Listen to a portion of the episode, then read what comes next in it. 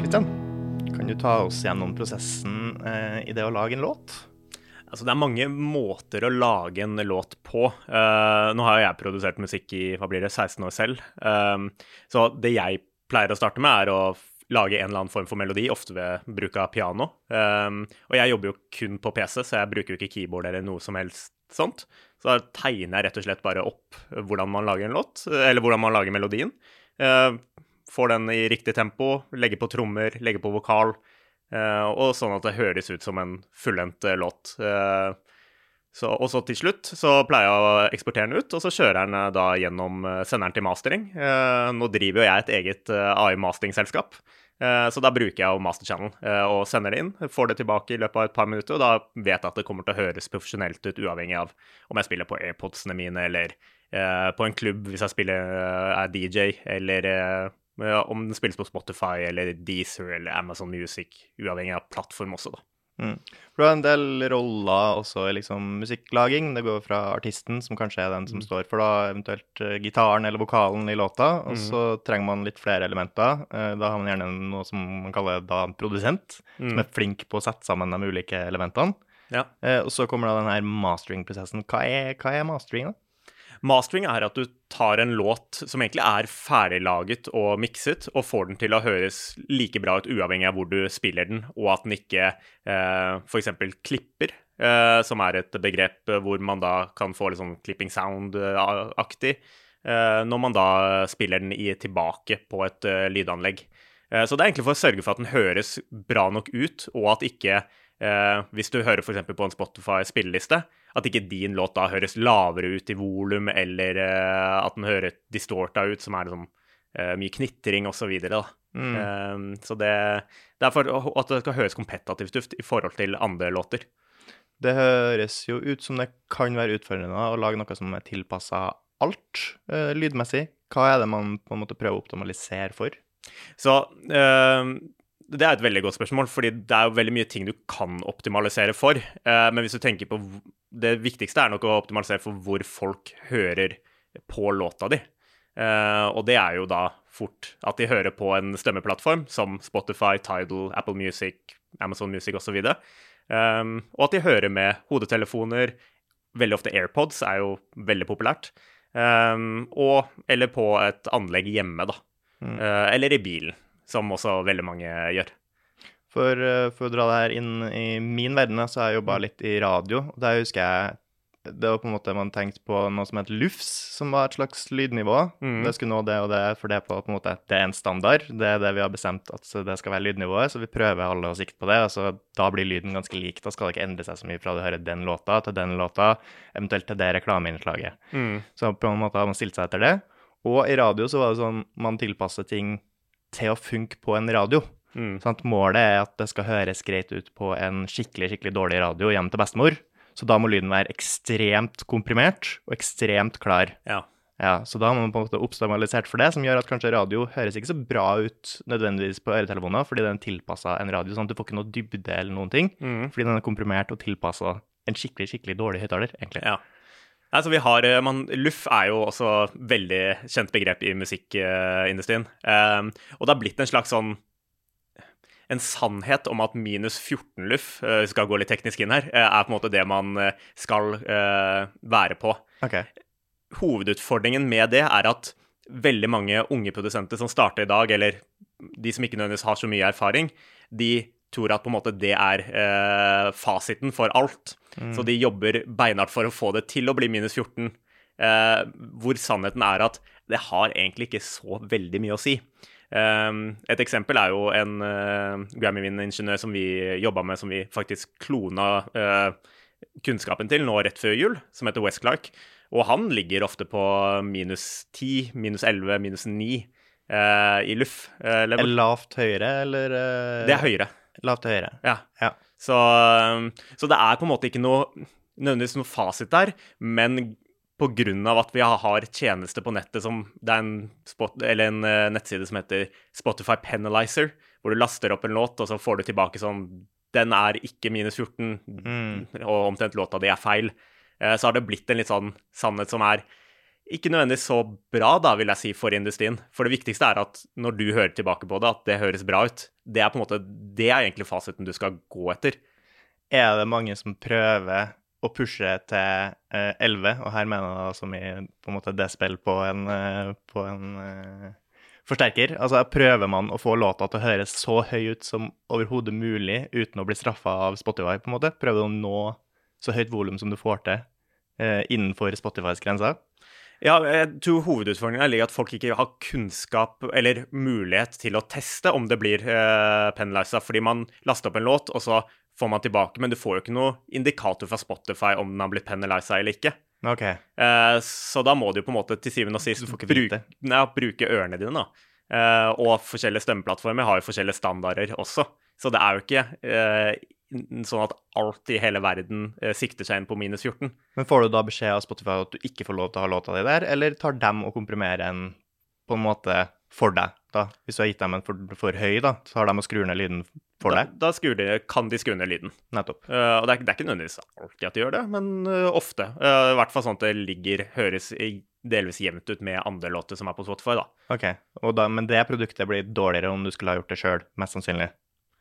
Uh, ja, for veldig mange så vil det bli det fordi de eh, Det her er jo en veldig krevende ting å gjøre. Eh, og hovedutfordringen i dag Nå har vi hva blir det? Eh, regnes jo med at det er ca. 60-70 millioner personer i verden som produserer musikk. Eh, majoriteten av de sitter hjemme i, i eh, rom som ikke er optimalisert for å lage musikk i. Mm -hmm. Og når de da prøver å uh, få det til å høres sånn at det høres like bra ut på en nattklubb eh, som hjemme hos dem som i bilen, så vil det være Den referansehøyttalerdelen da, er veldig krevende. Eh, så da må man eh, så, så, Derfor sliter de veldig ofte med det, og det er jo en av de tingene vi løser da, for dem helt automatisk, fordi vi har referanser som uh, applies automatisk, da, rett og slett. Ja. Uh, og når man sier mastering, så er målet at det skal høres bra ut. Ja. Men hva er på en måte hva er en låt som er mastra bra? Hvordan gjenkjenner man en god mastra låt? Ja, det blir jo som å si eh, om du syns en, eh, eh, en vokalist er flink eller ikke. Eh, mm. Det er jo eh, Noen låter hører man jo at det her er ikke bra laget. Eh, så kan man stille spørsmål er det masteringprosessen, eller er det tidligere f.eks. i mikseprosessen. men til syvende og sist så handler det egentlig bare om det subjektive. At man syns eh, sin egen låt høres bra ut, og at det eh, At majoriteten av markedet syns det høres bra ut. Da. Og det er jo det litt også eh, vi har jobbet med, for å tekke, gå litt tilbake til hvordan vi har faktisk utviklet tjenesten vår. Um, så har vi fremfor det å ha kjempesvære datasett eh, når vi har trent opp AI-modellen vår, Eh, som vil være veldig vanskelig å holde ved like, fordi du må alltid ha et nytt referansesett hvis det kommer en ny preferanse. Eh, så har vi da isteden eh, tatt kunnskapen. Vi har jobba med ingeniører, jobba med profesjonelle produsenter. Veldig mange av de titusenvisene av brukerne vi har, som da har feeder inn deres kunnskap, som vi matematisk enkoder, og skaper på en måte det som i mange tilfeller kan være mer en sannhet av hva god lyd er, uten at vi da Eh, på låtene deres legger til noe som er unaturlig. Vi holder det veldig sånn OK, det er sånn de har tenkt, men vi sørger for at det kommer opp på riktig loudness-nivå, altså level, eh, og at det da eh, ikke piker, eller at det høres like bra ut som andre låter eh, på Spotify, da. Ja, Så dere har på en måte brukt mer, mer kvalitative referanser enn kvantitativ, da? Ja. Kan man si. Mm. OK. Eh, kan du klare å skille Eh, klarer du å forklare forskjellen på mikseprosessen og mastreprosessen til meg? Eh, ja. Eh, så du kan jo se på eh, sånn miksing som at du velger Hvis vi tar det til fotografi, da. Mm. den sammenligningen er kanskje litt lettere for folk å forstå. at miksingen er mer sånn hvor folk står i bildet, mm -hmm. mens masteringen er at Eh, de ulike elementene popper bedre, litt mer sånn eh, At det ser mer profesjonelt ut, da, men ikke nødvendigvis mm -hmm. hvordan bildet er komponert i seg selv. Ok. Hva hvis, hvis det er en låt der jeg sliter litt med å høre vokalen, f.eks. Mm. Hva vil, vil, du si at det er et mikseproblem eller et masterproblem?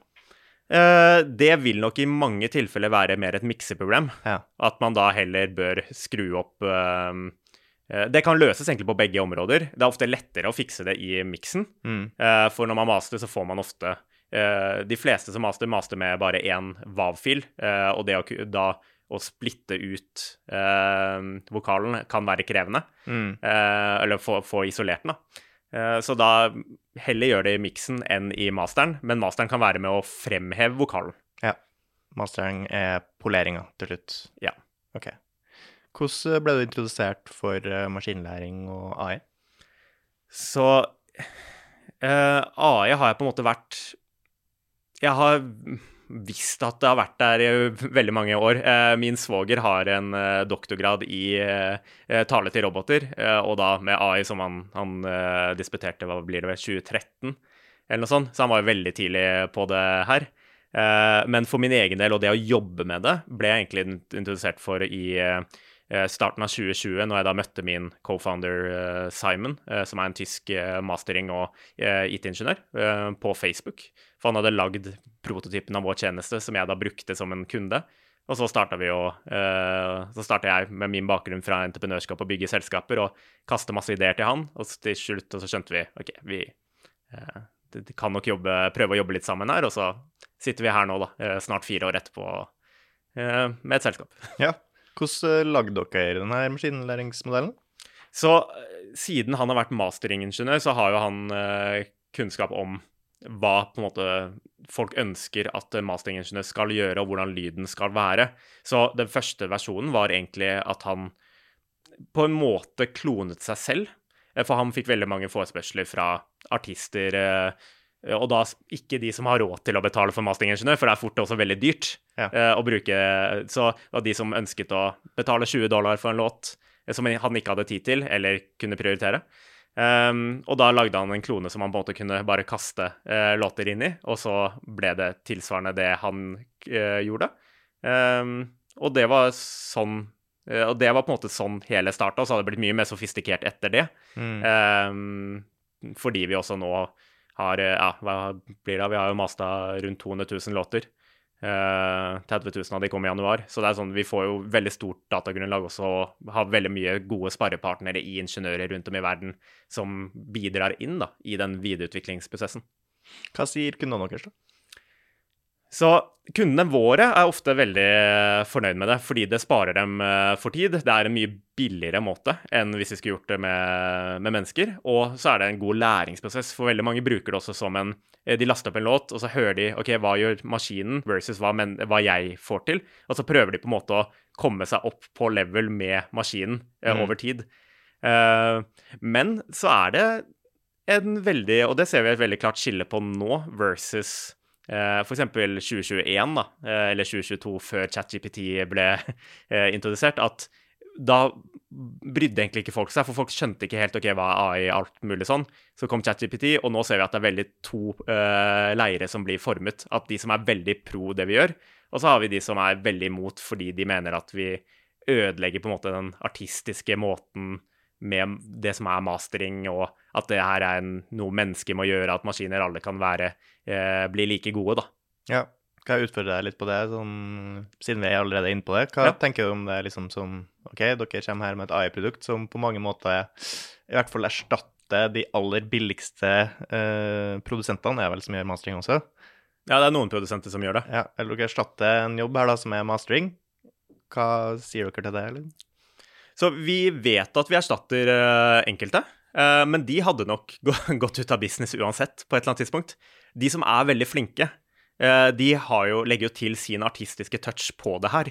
Så det blir jo på en måte som at en, jo eh, som at en artist da jobber med en annen eh, artist, men bare at artisten er ingeniør til slutt, som legger sin touch på det.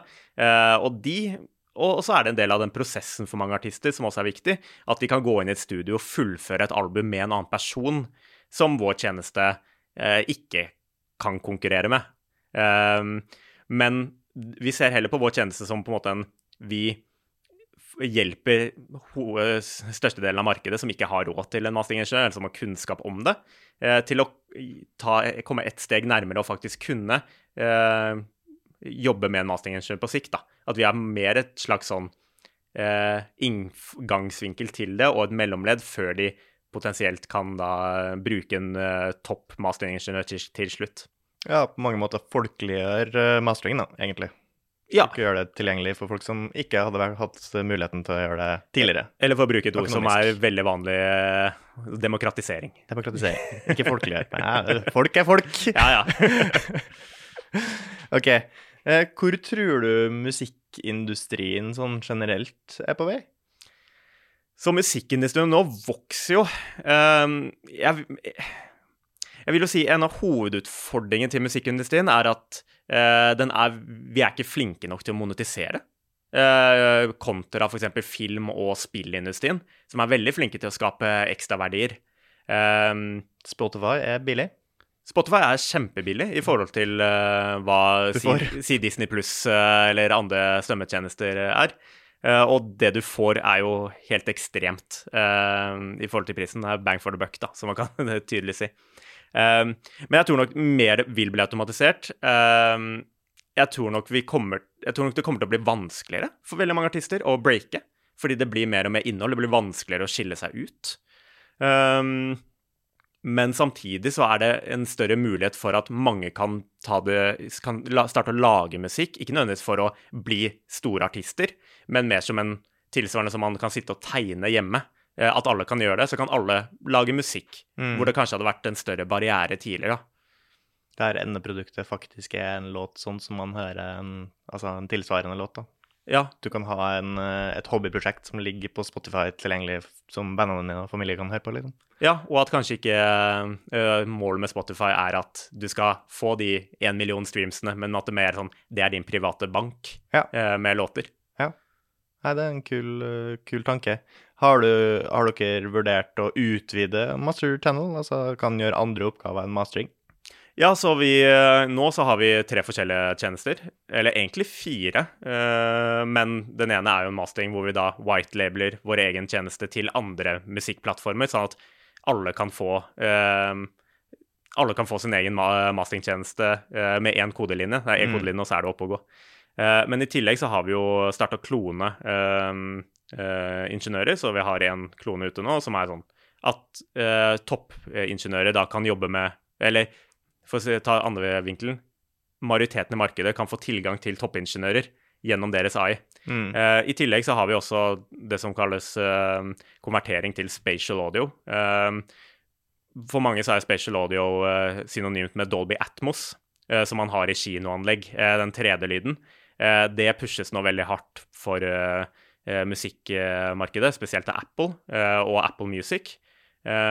fordi Apple Music kan da selge mer AirPods, fordi AirPods er kompatible med eh, spatial audio. Mm. Så da har vi et verktøy som da eh, tar en vanlig stereofil eh, og gjør det om til en spatial audio-file som er i like god kvalitet eh, som man kunne fått gjennom en eh, ingeniør. Eh, og forskjellen er jo da at enten kan du betale 500 dollar hos en ingeniør, eller så kan du betale 10 dollar hos oss. Ja, nettopp. Ja. Nok en gang en billigere alternativ. Ja. Kult. Eh, hva med produsent? Hva kan man få AI-produsenter, tror du? Hvor langt unna er det? Vi har jo mange tjenester som kan lage fullendte låter eh, i dag. Um, jeg, personlig så tror jeg nok den den frykten mange har med at OK, nå kommer AI-en til å lage alle verdens låter, den tror jeg er litt sånn u... Jeg, jeg tror ikke den helt jeg tror det kommer til å gå veldig lang tid før vi eventuelt ser at det skjer i storskala. Eh, men AI-produsenter er i full fart inn i uh, sjangere som meditasjonsmusikk, uh, ambient, alle heismusikk, alle sånne ting hvor du trenger musikk, men du trenger ikke at det kommer fra Taylor Swift, Kygo, Matoma, whatever, stor, stort navn, da. Bare, og der har vi jo tjenester som brukes i dag i storskala. Så det er jo egentlig Vi er jo fullt i gang. Ja. Jeg har egentlig vært litt sjokkert over hvor tregt det har gått akkurat på musikkfronten. Jeg regner med det egentlig bare fordi Sony Universal sitter og tviholder på rettighetene til, til musikken. Eh, fordi altså, video har jo egentlig imponert veldig. Bilder har imponert ekstremt sånn på generativt. Og jeg har sittet og lekt meg ganske mye med sånn AI-generering på musikk, men Mm. alt blir veldig, som du sier, heismusikk. Alt blir heismusikk.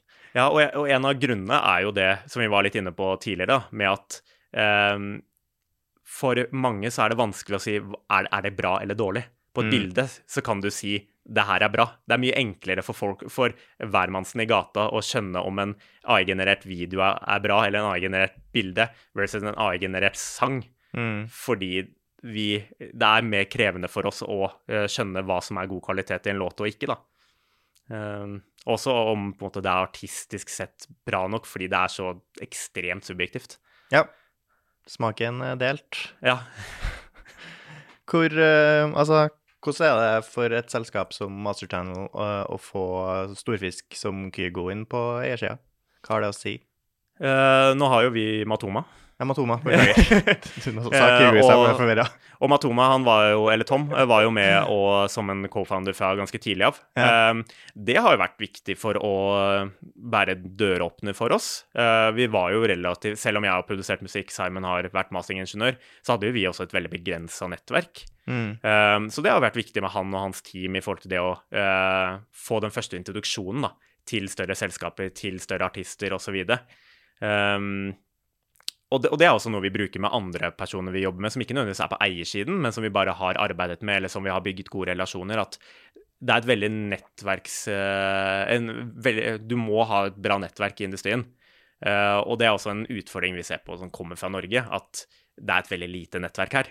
Uh, vi har måttet virkelig kjempe for å få et stort internasjonalt nettverk, uh, spesielt i USA og i UK, Tyskland osv. Eh, så Men da, og måten vi har gjort det på, er jo rett og slett at vi har vært, vært hyggelige nordmenn da, og klart å bygge gode relasjoner, vise at vi kan levere verdi til større aktører.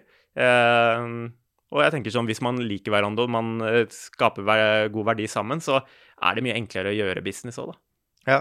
Nei, det er som du sier, Norge, eh, i hvert fall ut fra min oppfatning, har jo selvfølgelig det har vært unntak som har gjort oss stor. Eh, aha, og så lignende. Men før liksom nylig så har jo ikke Norge vært så veldig dominerende internasjonalt med musikk. Men nå har vi fått ganske mange store artister.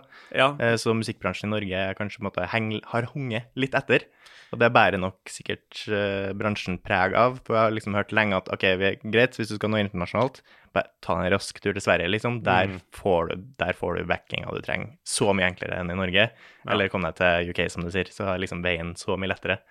Ja, og der har vi jo eh, jeg, vil jo jeg tror jo vi har et veldig potensial i Norge i forhold til at vi har en del store internasjonale artister som har klart å breake det de siste fem-ti årene. Um, men på, hvis du tenker musikk-teknologi-utviklingsfronten, så er det kanskje fem eller ti selskaper i Norge. Det er veldig få. Uh, og, men jeg tror veldig mange av de kunne hatt godt nytte av den, det vi har gjort med å få inn en større uh, internasjonal aktør. Fordi den synergieffekten der For vi har veldig I Norge har vi god utdannelse. Vi har veldig mange gode ingeniører. Vi har flinke folk eh, teknisk sett. Men vi er veldig dårlige til å selge i utlandet. Mm. Men og der kan på en måte artistene være med og pushe det til eh, inn i nye markeder. Eh, så det har jeg veldig tro på. Ja, vi hadde jo Prosjekt Tidal gående en liten stund. Det gikk jo ikke nødvendigvis sånn mega-mega bra. I hvert fall ikke like bra som Spotify, da, Nei, eh, kan man si, uten å tråkke på noen sin tær. Så har det ikke gått så bra i etterkant eh, heller. Nei. Det, Det er ikke det. Jeg prøver å være snill. Hvordan er det å være eh, liten og norsk i den store musikkindustrien i utlandet? Eh, akkurat nå så Nå har vi jo veldig mye vind i seilene, så nå er det jo veldig gøy. Eh, men det er jo også tøft det der å måtte Vi må jo være i USA ofte, vi må være i Europa. eh, Vi må møte personer i eh, ja, face to face, da, for å få ting gjort.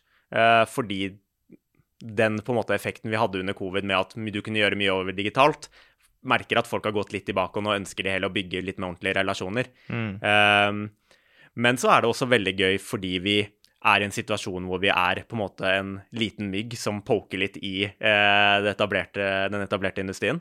Uh, og det ser vi at også gir veldig resultater nå, da. At vi kommer med noe nytt. Folk syns det er spennende, og folk skjønner Sånn timingmessig så er det veldig bra, for folk skjønner OK, vi må eh, hoppe på Vi må skjønne hva de her gjør. Og vi har klart å etablere oss som en slags thought leader, eller ja vi, vi, vet hva vi prater om, og, og, det anerkjenner store deler av industrien også. Har dere merka mye motstand fra gatekeepers uh, i musikkindustrien? Altså de aller største. Har dere merka at de liksom vil ikke ha input? Vil ikke ha noe nytt? La oss holde det som det alltid har vært. Legacy funker. Så, så um, noen av majorene har jo vært mer restriktive med å ta i bruk våre tjenester. Um, men det er også fordi de har så etablerte nettverk fra før. Um, så det er ikke nødvendigvis at de er imot teknologien vår, det er bare at deres, de vil ikke på en måte ødelegge allerede eksisterende kontakter for en ny aktør som kanskje er bortom et halvt år, da. Mm. Som veldig mange små selskaper fort blir. Eh, men så merker vi jo nå litt mer motstand f.eks. Fra, fra Apple Music eh, rundt spatial audio. Eh, og det er jo egentlig litt gøy, syns jeg. Mm. Fordi det at et team på tre karer som sitter i en kjeller i Oslo nå blir kontakta Apple, og de lurer på hva er det dere egentlig gjør, hvordan får dere til det der, og er litt sånn ja, litt usikre på, på hvordan vi faktisk har byggeteknologien. da. Ja. Uh, så det er jo morsomt. Men skal ikke, Blir ikke de egentlig bare takknemlige da, for at dere tilgjengeliggjør mer musikk for deres, altså, deres løsning? Så dette her går jo på spatial audio-delen vår, ja. hvor de da ønsker at man skal bruke en mer menneskelig approach okay. når man lager det, hvor vi da har fullt lagd AI. Og det er jo Hovedargumentet er jo kvalitet. At de mener okay. mennesker eh, gjør, får bedre kvalitet. Eh, samtidig, og det er jo litt ironisk, fordi eh, nevøen min på ti år kan jo da gjøre dette manuelt, mm -hmm. og det er mennesket. Men er han bedre, eh, som ikke har noe musikkbakgrunn, til å lage en uh, låt i spatial order-format enn vår AI, som vi da har trent opp med uh, ingeniører og ganske mange store labels opp igjennom? Mest sannsynlig ikke, men det kan jo at du har et lite talent der. Ja, det, det hadde jo vært veldig kult, da. men det er altså, altså litt, litt utfordringen der vi står overfor, men som også er eh, jeg vil si en anerkjennelse at vi gjør noe riktig. For det ja, ja. Verste, verste, som vi kan oppleve, er jo at folk ikke bryr seg. Ja. ja, rett og slett. Men eh, ok, de argumenterer for at det er en kvalitetsforskjell der på eh, menneskelig, menneskelig lagd og AI-lagd spatial mm. audio. Ja. Eh, men dere vil jo kunne forbedre det her i så fall også? Vil dere kunne la de ta blindtester? Altså, hvordan, hvordan vurderer de det her? Hva er bra, hva er dårlig? Uh, ja, og det er et veldig godt poeng, som, eller et veldig godt spørsmål som vi heller ikke har fått ordentlig svar på. Nei.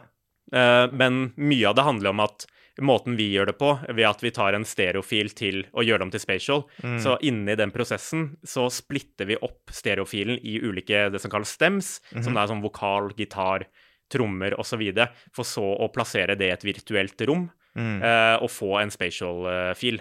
Uh, mm. uh, det er den stem-splitting-delen som de ikke mener er god nok, spesielt, fordi det fort blir at de ville helst ha lagd spatial audioen ut fra miksen, da, egentlig. Ja, ja, eller vil at man skal bounce semsene selv, da. Ja, og så gjøre den spatial audio-prosessen. Uh, hovedutfordringen med det der er jo at de fleste låter før si 1995 eller 2000, da uh, Du har jo ikke stems. Det fins ikke stems sånn, nei. nei. Så hvordan skal du da få uh, special audio-filer til Beatles, Rolling Stones, alle mm. de store? det går ikke teoretisk sett. Nei, mange av dem ble jo bare nylig gjort om til stereo også. Det var jo ikke, ja, det, det var ikke stereo engang. Uh, så, så, hvis de virkelig og det, og det, som er interessant også med Spatial Audio, er at det her er jo sjette gang tror jeg, i, historien at det formatet prøver uh, å på en måte få fotfeste i verden. Ja. Uh, men det har alle blitt god nok adopsjon av det. Så på et eller annet tidspunkt så må man bare åpne opp for nå, er, nå kan alle gjøre det her. Det må bli mer kostnadseffektivt hvis det i det hele tatt skal eksistere. da. Så jeg har lyst til å høre litt på Beatles. Kan du høre hvor harry aktivt bruk av stereo de brukte til tider? Hører Ja. liksom eh, vokalen i ene øret og gitaren i andre øret. Den er nesten litt mye innimellom. Det er bare sånn, ja, dere har jo oppdaga noe nytt. Kult. Men, men det igjen er også den innovasjonen i musikk. da, Ja, ja. at eh, tenk, eh, Nå er det en stor debatt i musikkindustrien rundt uh, autotune, fordi de mener at de har klart å komme opp med en ny uh, løsning for autotune som er enda bedre. Mhm. Og da kommer jo den chair-låta 'Do You Believe' uh, opp i vinden igjen. Ja. Og det igjen ble jo hata og elska. Men igjen, det er jo en ikonisk låt som For ikke å si Olsen Brothers med 'Fly in the Wings of Love'. Den Ja, ja. Men det er liksom ikoniske låter som man har veldig gode minner, minner til, da. Ja. Så Jeg tror jo, altså, igjen Musikk er kunst. Folk liker mye forskjellig, og hvis det her bare tillater mer variasjon, så er jo det fint. Uh, så er det sånn at hvis alle bruker autotune, så er jo ikke det fint lenger. Folk blir jo lei av det også. Da må det være noe unikt utover at det er autotune for at folk skal gidde å høre på det. Er ikke sånn at hvis du har en god autotune, så blir, høres alt bra ut. Det skal mer til enn det, liksom. Ja, men der har jeg veldig tro på liksom, forbrukermakt, da. Eh, at, Ja. For du hadde jo den perioden fra var det 2000 til 2010 når alle store rappere skulle ha med T-Pain, eller ja. alle store rappere, skulle, eller eh, R&B-artister skulle bli T-Pain. Ja. Eh, men igjen, det ble jo på en måte ikke Markedet ble jo ikke fladda av sånne låter, fordi man på en måte innså ok, vi har T-Pain, det er egentlig greit nok, det. Ja. Mens nå, ironisk nok, så gjør jo T-Pain det ganske bra med sånne liveshow. Han har gjort nå har jeg sett masse klipp fra et liveshow der han bare covrer masse, masse hits og synger vanlig. altså Ikke en autotune i Men han har jo synger veldig se- god stemme. Kjempefint.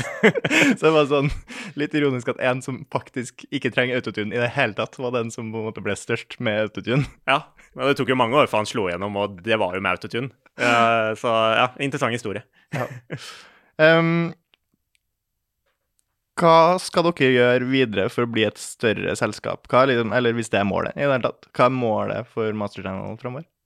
Så målet vårt er å bli eh, verdensledende på mastering eller profesjonalisering av musikk, da. Så hvis man tenker eh, kortsiktig sett, så jobber vi nå veldig med å integrere tjenesten vår i mange andre større plattformer. Ehm, og, og det går egentlig eh, ganske greit, eh, fordi de skjønner verdiforslaget. Det er, koster dem ikke noe, og så får de eh, Det er omtrent free money fordi de skaper seg en ekstra inntektsstrøm på, på et par minutter. Mm. Langsiktig sett så jobber jo vi litt sånn Og det her er jo noe vi tenker på omtrent hver dag, men vi tror jo også at mastering-begrepet i seg selv, som egentlig kommer litt fra 80-, 70-60-tallet, med at du hadde eh, store, mye hardware som du drev og tweaka på osv., at mastering-begrepet ikke nødvendigvis kommer til å være det samme om 10-20 år, men at det da handler mer om låta di skal høres bra ut. Om det er sånn professionalize eller eh, et eller annet annet begrep. Mm. Eller om det er mastering-begrepet som også eksisterer, men det er nok ikke samme på en måte eh, prosessen for å få en låt til å, å høres bra ut. Alle artister må ikke gjennom det. Eh, og da blir det mer fokuset på eh, det å faktisk lage noe unikt, da. Og ikke bare til tekniske talene. Så det er også det vi jobber liksom mot langsiktig. at Litt denne Apple-approachen, egentlig. At du skal bare kunne kaste det inn, og så får du ut bra nok. Eh, men så kan heller du fokusere på det som gjør mennesker unike, da, det kreative i det her. Ja, for som dere sier, dere lager jo nå egentlig flere templates, sånn at det er ikke ett svar på hva som er bra mastering, det er heller forskjellige versjoner av mastering. Altså at du kan mastre på måten som denne produsenten gjør, Mm. eller du kan mastre på samme måte som denne produsenten gjør. Hva Ja. passer best for din låt? Vel, det får være opp til deg og publikum bestemme. Ja, og det her kan jo også uh, puttes inn i andre industrier, sånn som podcast, som vi spiller inn her nå, uh, som det allerede eksisterer.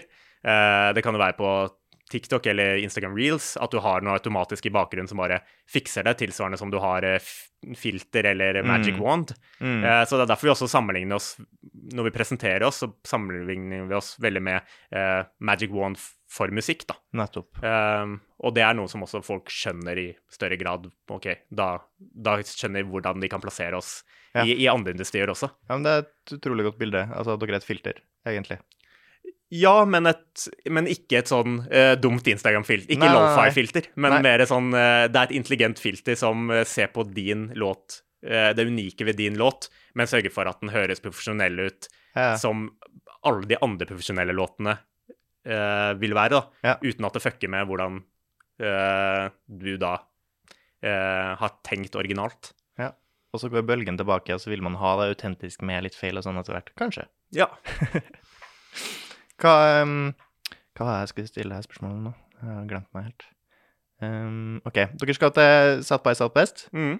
Hvordan er det å skulle dra på liksom en sånn stor, stor musikkindustrifestival som for meg eh, Altså, jeg har i hvert fall inntrykk av det største på en måte møtestedet for musikkbransjen generelt. Ja, det kan man jo trygt si. Um, nei, så vi var Det her er andre året vi reiser dit. Uh, I fjor var det mye mer ukjent uh, fordi vi hadde veldig lite kontakter også, så da ble jo mye mer uh, Vi må, måtte finne ut hvem er relevante. Men i år så blir det, handler det mye om å på en måte vedlikeholde nettverket vårt, og så treffe nye aktører i bransjen, og kanskje nye personer i allerede eksisterende selskaper som vi er i kontakt med. da. Bygge nettverk, rett og slett. Så det er nok ikke Og det er jo et spørsmål jeg får, får mye når jeg reiser på sånne ting. Sånn, jeg var på konferanse på Ibiza i, i fjor, og da tenker folk sånn Å, Ibiza, kult. Men det var jo Jeg jobba jo hver dag. Ja. Det var jo i, Siste dagen var jeg på en konsert, men ellers så var det legge seg tidlig og Så det er mindre glamorøst enn det det høres ut som. Ja, det er litt gøyere å jobbe på Ibiza enn å jobbe i Oslo når det regner, da. Det er det. Så jeg ser fram til liksom å slippe unna snø og is her.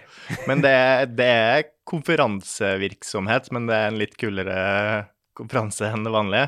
Står dere, står dere, på stand? Går dere på konserter? Er dere i møter, liksom forelesninger? Hva, hva gjør man på by Uh, så det er jo både paneler og uh, presentasjoner. Vi er på veldig få av de. Um, hvis vi drar på panelet, så er det for å prate med de som er i panelet etterpå. Uh, mm. Eller så er det rett og slett mingling. Ja. Eh, du er i eh, tolv timer hver dag, så er du i minglefokus. Du går ut av den norske drakta di og tar på deg den amerikanske selvtilliten mm. og prater med alle og prøver å få kontaktinformasjon og finne ut ok, hva er neste steget, hvordan skal, jeg, skal vi følge opp det her. Og så sitter vi da hver kveld og skriver ned hvem vi møtte, med noen kommentarer på ok, den personen skal vi følge opp med angående det, og den om det, og så følger vi opp, rett og slett, for mm. å få det neste møtet. Hvem vil dere aller helst komme i kontakt med? på en måte? Har dere noen liksom, storfisk som dere tenker at det hadde vært utrolig rått å møte den personen eller noen fra det selskapet og fått et samarbeid der? Det hadde vært um, Så det hadde jo nå Det hadde vært veldig gøy å på en måte få enda flere distributører. Uh, uten at jeg skal virke for cocky, så på en måte de fleste store selskaper vet, har vi vært i kontakt med på et eller annet tidspunkt. Mm. Uh, og eller så kjenner vi folk eh, Har vi blitt kjent med folk som jobber der. Um, men så det handler jo mer, som jeg nevnte der, og det er nok ikke noen vi reiser ned dit for sånn Å, det har vært kjempegøy å møte den personen. Da er det mer liksom Den personen er der, vi har prata før, nå må vi ivareta, og nå må vi faktisk få noe til å skje. At ikke det bare blir løs prat igjen, eller at vi blir sendt rundt i organisasjonen fordi ingen tar eierskap. Mm. Og det er mm. også viktig når man inngår partnerskap og sånn, som vi gjør, da. At vi finner på en måte den eller de personene i selskapet som ønsker å ta eierskap til det vi kan levere. For hvis ikke så blir du, kommer du til å bli sendt på en evig e-post-runddans, som er kjempeirriterende. Ja, for det er veldig lett å bare være hyggelig og si ja, ja, her ordner vi, og så blir det aldri noen ting. Ja, og det er jo eh, Jeg syns jo veldig mange f.eks. britiske personer er veldig sånn veldig hyggelige. Eh, og så må man Du må jobbe litt for å på en måte få virkelig ting til å skje, da. Ja. Men eh, som du sier, da, det, det, her er jo muligheter for å polere lyd ikke bare eh, før musikken skal publiseres, men også typ på en plattform som TikTok. Mm. Eh, dere kunne ha fiksa lyden som kommer ut på TikTok, liksom? Ja, så, og vi har jo brukere som uh, laster opp låter uh, eller lydklipp uh, som vi vet de bruker på TikTok, som de bruker på Instagram Reel. Mm. Vi har folk som bruker det til podkast. folk som bruker det til videoredigering, hvis de har en si en voiceover på et, en instrumental, og så mm. kjører de det gjennom oss bare for å få det litt mer klarere, litt mer crisp, da, ja. før de putter det på. Så, så, vi har jo på en måte ikke designa systemet for det, men brukere har bare funnet ut at å ja, det funker til det for meg. Og det er også litt kult å se. Dere har et produkt som er i stor grad, som nevnt, bygd på kvalitativ feedback.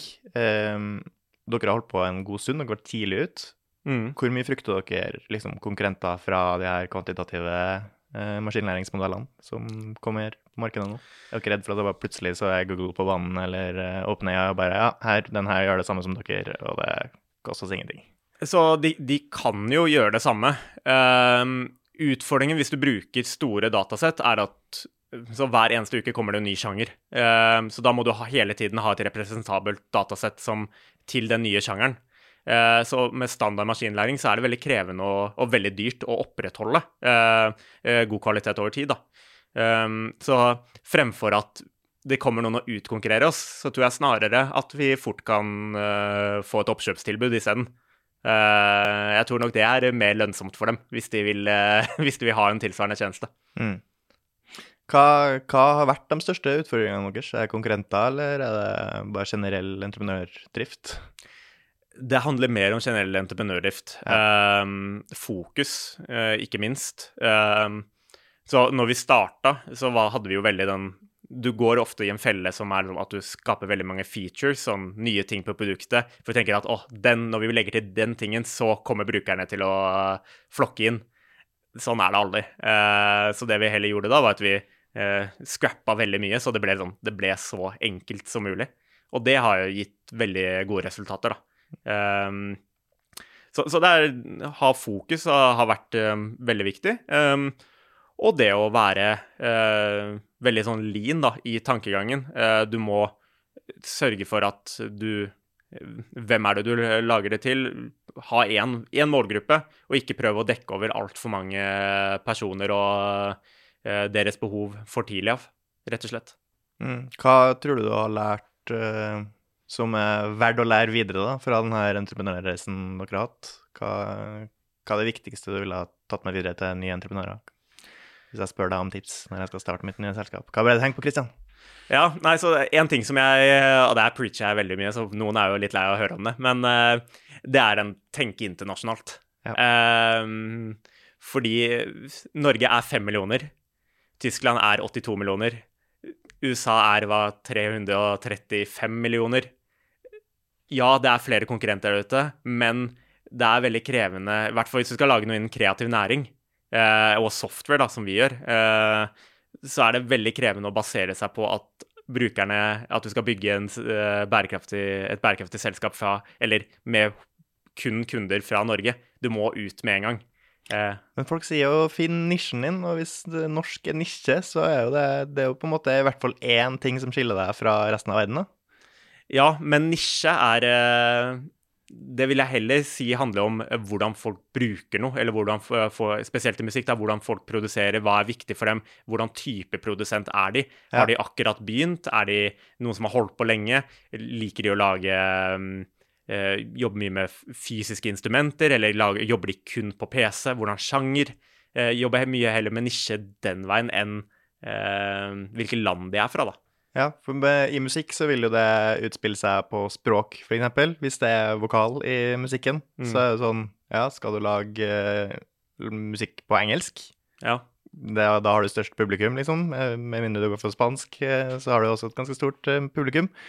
Uh, eller skal du synge på norsk, og da kanskje bli lettere plukka opp i Norge. Mm. Har du tanker rundt det? Ja, eh, og der tror jeg jo at uh, gjør det som er, man er det kjedelige svaret, gjør det man er mest komfortabel med. Ja. Uh, og så må du jo på en måte uh, så Hvis du er Si du skal lage låter på Og norsk er på en måte det du føler mest komfortabel med, det du er best til å formidle på, så er jo det Da bør du jo kanskje starte med det, da. samtidig så vil det da være mindre potensiell oppside men som ikke nødvendigvis er feil. For det er jo mange artister som har kjempegode karrierer med å gjøre det på norsk, og at eh, det markedet er eh, stort nok for dem. Eh, selv om de aldri kommer til å komme opp på Taylor Swift-størrelse. Eh, men det er også greit da, for mange, tenker jeg. Og da må måtte Så jeg tror det viktigste når man starter som artist, er ikke ha en forventning om at du skal bli superstjerne. Mm. For hvis du har en Det blir jo som å starte en bedrift også. Hvis du har en forventning om at selskapet ditt skal Eller at du skal bli eh, multimilliardær, så vil jeg tro du har litt feil eh, innfallsvinkel til å få det til. Det må være en annen eh, passion i bunnen, da. Må ha noen ambisjoner, må du ikke? Jo, du må ha ambisjoner, men uh, det er jo litt sånn hvorfor starter vi Master Channel? Ja, det hadde vært kjempegøy om, ble, om vi ble rike av det på et eller annet eh, tidspunkt. Men til syvende og sist så løste jo Simon et problem jeg hadde. og det er jo der også vi Så jeg, hadde jeg tenkt på lønn, så hadde jeg gått og tatt en annen jobb i dag. Mm. Uh, så det handler jo mer den derre OK, vi har lyst til å få til, få til noe stort. Og ambisjoner trenger ikke å nødvendigvis å være penger. Det kan også være impacten du har i, i verden, da. Hva er ambisjonene, da? Hvor, hvor er Master Channel om uh, fem år? Om, om fem ti, år? Om ti år? Ja, om ti år, så da er vi verdensledende innenfor uh, profesjonalisering av musikk. Har nok mest sannsynlig gått vekk fra mastering. Vi er nok i andre bransjer også. Uh, ellers så er vi solgt på det tidspunktet. Mm. Hvem ser du for deg kunne vært en kjøper? Uh, der tror jeg fort et selskap som f.eks. Dolby kunne vært uh, relevant. Mm. De, Dolby er jo hovedkonkurrenten vår per dags dato. vi gjør mye av det samme. De er også API-er for selskaper, sånn at de kan få sin egen løsning. de er også Dolby Atmos, hvor vi har Spatial AI, som er vår egen. Um, eller så har man typ sånn Apple kunne også vært relevant. Eh, noen av de litt større tekstselskapene som også har veldig fokus på lyd, da. Um, kunne vært eh, relevante på sikt. Hva tror du du hadde Altså hvis du skulle drevet et annet selskap eh, som entreprenør, ville du holdt deg til musikkbransjen? Er, musikk er jo, musikkbransjen er jo der jeg har størst nettverk. Samtidig så er jeg litt sånn det har vært veldig gøy å gjøre noe helt annet også, på et eller annet tidspunkt. Uh, for jeg har jo mer Jeg lever jo livet litt sånn når jeg er 80 år, så jeg har lyst til å se tilbake på OK, jeg gjorde X, Y, Z. Uh, jeg tenker, ikke, jeg tenker at mye av den kunnskapen jeg har erverva så langt uh, gjennom det selskapet her, uh, gjennom de andre arbeidsforholdene jeg har hatt, da, at det, det, kan puttes inn i hvem som helst bransje. Jeg er nok veldig opptatt av å skape ting. Eh, jeg trenger ikke nødvendigvis å starte noe nytt, men hvis jeg starter noe nytt, så Jeg liker veldig kreative, jeg liker å jobbe med mennesker. Eh, så det hadde nok fort vært at jeg hadde endt med noe som er direkte mot konsumere. Eh, det er ofte vanskeligere å få til det, men da jobber du også tettere på mennesker istedenfor at Jeg hadde nok ikke giddet å starte regnskapsbyrå. Nei. Du vil ha noe som er hakket mer givende, ved at du får en litt mer direkte respons? Ja, eller hvor jeg da kan prate litt mer med en, en sluttkonsumere, og at det da potensielt kan bli uh, veldig stort, da. Jeg jo, liker jo, tilbake til internasjonalisering, jeg liker å treffe eh, det jeg gjør, at det kan treffe veldig mange mennesker. Eh, så noe av det kuleste jeg vet, er jo når, når vi får e-poster fra folk i ikke, USA, eh, Mexico, eh, Korea, som bare sånn ah, 'Elsker det dere har laget. Takk, dere hjelper meg.' Um, så det er jo det, det, gir liksom litt ekstra driv da, til å faktisk fortsette uh, å stå på med hver morgen. Ja. Bruker du produktet ditt sjøl? Ja. ja. Når du lager musikk, så masterer du med eget produkt? Ja, og det har gjort at uh, nå det siste halvåret så har jeg gitt ut én uh, låt hver eneste måned. For jeg klarer å opprettholde Eh, en god produksjon, da. Selv om jeg har ikke så mye tid til å produsere. Men eh, de få timene jeg har i måneden, da får jeg til å lage en låt, og så slipper jeg på en måte å tenke på det tekniske, som var en veldig stopper for meg før. At jeg var usikker på kommer det til å høres bra nok ut. Nettopp. Mm. Hva, hva, er det som er mest tidkrevende i musikkprosessen din nå? Det er nok uh det som er mest tidkrevende, litt sånn paradoksalt, å finne tid til å sette seg ned og lage musikk. Mm. Uh, men når jeg først er i gang, så er det jo det å uh, Føler man det? Er man på en måte uh, Klarer man å lage melodier man er fornøyd med der og da? jeg sliter jo litt med å lage musikk hvis jeg er for sliten, så jeg liker ofte å bruke liksom, noen timer på søndager til det, eller hvor jeg er litt uthvilt, da. Mm. Eh, så det er veldig viktig for meg, i hvert fall. Men nå bruker jeg også musikkproduksjon mer som en sånn medita meditativ uh, ting, versus det at jeg skal jage streams. Hva, er det noe du savner i musikkbransjen i dag? Oi, veldig godt spørsmål. Uh, det, er, det er krevende å svare på på stående fot, fordi på sett og vis så savner jeg at Jeg skulle gjerne sett at folk var enda mer åpne for uh, nye løsninger. Samtidig så er jo veldig mange åpne for nye løsninger, og det kommer jo veldig mye nytt, så det er nok også krevende å vite hva er det de skal prøve ut. Um, men jeg tror nok verden kunne ha benefitta ganske mye av litt mer fokus på innovasjon innen musikkindustrien. For jeg tror det er veldig mye ting som kan uh, utvikles her, og så settes inn i andre bransjer. Uh, F.eks. musikk mot ja, si demens. da. Eh, at det kunne vært eh, Hadde man hatt enda mer fokus på å lage gode tjenester der, kunne det hjulpet. Eller eh, mot hørselsskader, så man har noen Ja, mye sånne ting hvor da kunnskap man sitter med i musikk med å jobbe med audioteknologi, kan da brukes i andre, andre bransjer, rett og slett. Mm. Jeg har vært inne på den samtalen her med ganske mange, men jeg sliter jo litt med å finne ny musikk. Mm. Eh, greit nok, du får noen anbefalinger fra Spotify. Eh, radio syns jeg har gitt fra seg den egentlig stafettpinnen der de bestemte Altså, du har musikkprodusenter som jobber i radiokanalene, som velger musikk. Hva skal bli avspilt på radio? Og det er for likt det som er på topplista på Spotify, fordi i stedet for at de eh, bestemmer hva som skal bli spilt på radio, så lar de markedet bestemme via Spotify først, og så tør de å dra inn låta når låta allerede har gjort det bra på Spotify. Ja. Så da liksom kommer det ikke noe nytt på radio som du ikke har hørt på Spotify fra før. Mm. Eh, og så har du hatt I hvert fall opp gjennom oppveksten min så var mye ny musikk via spill, eksempel. Ja. Sant? Du har spilt uh, Fifa, der kom det alltids en eller annen ny eh, Fantastisk portugisisk hit som bare Oi, det er jo dritstilig, det hører jeg jo ikke på P3, men uh, Mm. ja, I say nemurar, er med. Ja. Og, så, og, og også liksom snowboardspill og sånn SSX. Jeg husker liksom låtene som var knytta til spill. Og du Mhm. husker innimellom når du ser en TV-serie eller en film der noen har plukka ut noe nytt som du kanskje ikke har hørt. Ja. Uh, Men nå savner jeg litt sånn Hvor blir jeg eksponert for nye låter? Jeg må, jeg må sø oppsøke det en, i større måte enn jeg gjorde før, føler jeg. Fordi også på sosiale medier så blir det på en måte Dem som legger til musikk, velger det trygge, velger det som du hører overalt, og så alt er likt. Ja, og, og der toucher du inn på noe veldig interessant, det med eh, at du finner musikk gjennom spill, film, eh, andre mediumer, da. Mm. Um, og i dag så er jo eh, Fordi du, du tjener jo ganske lite på Spotify hvis ikke du får veldig mye streams. Mm. Um, så det er, du kan jo ikke leve av Spotify alene. Så det som er viktig for veldig mange plateselskaper, er at de da får placement i reklamer, i eh, filmer osv. Eh, det bygger jo mye på nettverk. Hvem har de beste nettverkene? Det er de største plateselskapene. Hvem er det de representerer? Det er de artistene som ofte er på topplistene. Derfor blir jo det litt sånn runddans. Så kaste ut en potensiell løsning her, men det kunne jo vært at uh, det hadde blitt litt mer regulert. Da at uh, 20 av eh, placement på nye Fifa-spillet skulle uh, være fra indie-labels, som ikke eh, Eller fra mindre aktører, og Mm. dermed får man litt mer inn.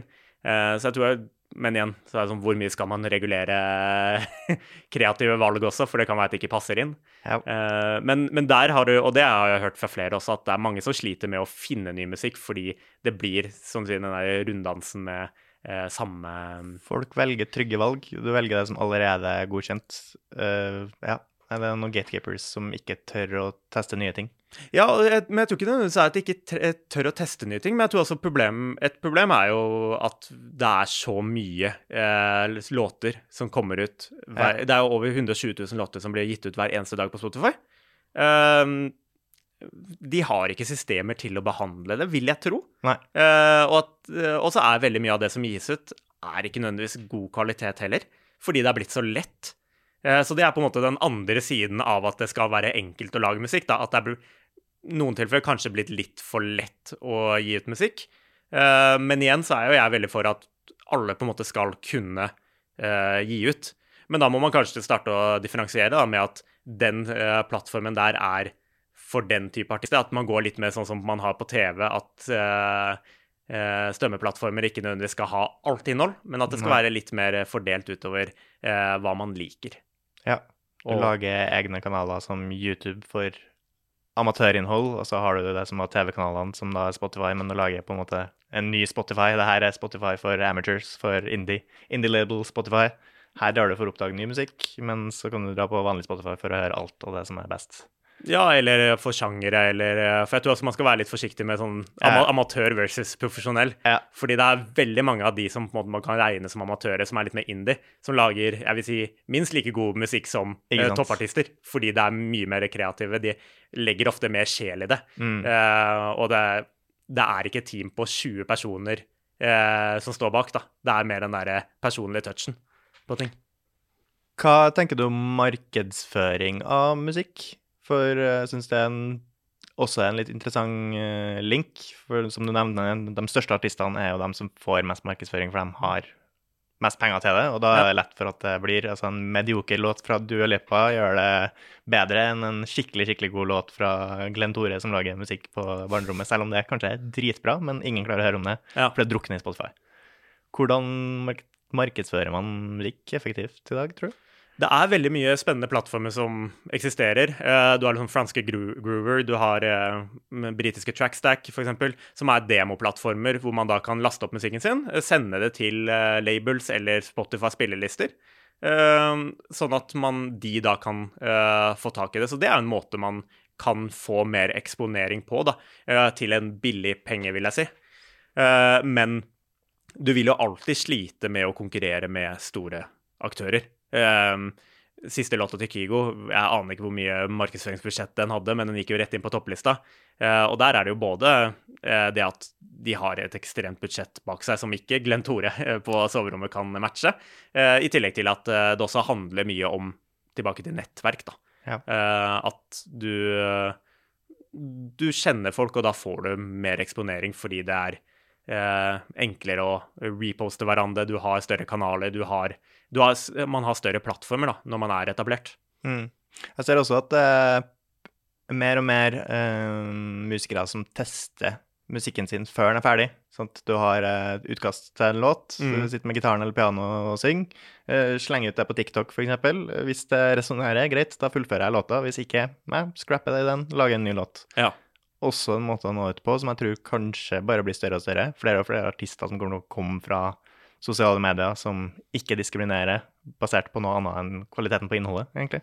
Ja, og jo, den måten der har jo skutt veldig i været, som du sier. Eh, og det som også er interessant, er at veldig mange av de artistene som eh, slår igjennom, eh, velger jo ikke signe med et stort label, men bare gi ut musikk selv også. Og vokser til at de har flere millioner månedlige lyttere på Spotify, og dermed bygger seg opp sin plattform på egen hånd. Så det er også et interessant skille man ser i industrien, at flere og flere eh, indie, artister forblir indie, uh, usignert, uh, og at indie tar større andeler. Så nå er vi vel oppe på 27% av all streaminginntekter går til indie-artister, uh, så det vil da si 63 går til majors. nei, 73 går til majors, som er et kjempehopp fra hva blir det, 2018, hvor det var, jeg tror det var nede i 15 det. Mm. Uh, og også på Grammy i fjor, nei, i forrige fjor, så var første året hvor det var flere indie-artister som var nominert enn fra major labels. Det er et sunnhetstegn, da. Ja, det vil jeg si. Mm. Kult. Hva tror du skjer med musikkbransjen fremover, da? Hvis du skal se inn i krystallkula og tenke hvordan ser det ut om fem år? Ehm, jeg håper jo at musikkbransjen fortsetter å vokse. Eh, det var jo en veldig lav dal ehm, når piratvirksomheten kom inn, og, så har jo Spotify og de andre strømmetjenestene vært veldig hjelpfulle der, selv om det er mindre penger enn eh, tidligere. Men det er også fordi det er flere artister. Ehm, men jeg håper jo på en måte at Eller jeg tror framover, er at vi også kommer til å se et større skifte blant hvem som er etablerte, store aktører. Eh, hvor Warner, Universal, Sony har hatt en veldig sånn, stabil posisjon i mange år som de tre store. Eh, nå har vi større selskaper som kommer inn fra siden, som franske Believe, som eh amerikanske Downtown Music. Du har koreanske som jeg ikke husker navnet på nå også, som har veldig store kataloger etter hvert. De kjøper opp mye kataloger, de har veldig store artister. Uh, så den utfordringen til majors kommer nok til å bli veldig utfordrende de neste fem årene. Uh, og at det kommer kanskje til å bli flere majors, at vi ikke snakker om de tre store lenger, men at vi snakker om de seks store. Uh, som igjen skaper mer konkurranse, da. Så jeg tror vi kommer til å få mer konkurranse blant en del. Og så tror jeg nok vi kommer til å ha enda mer låter som blir gitt ut.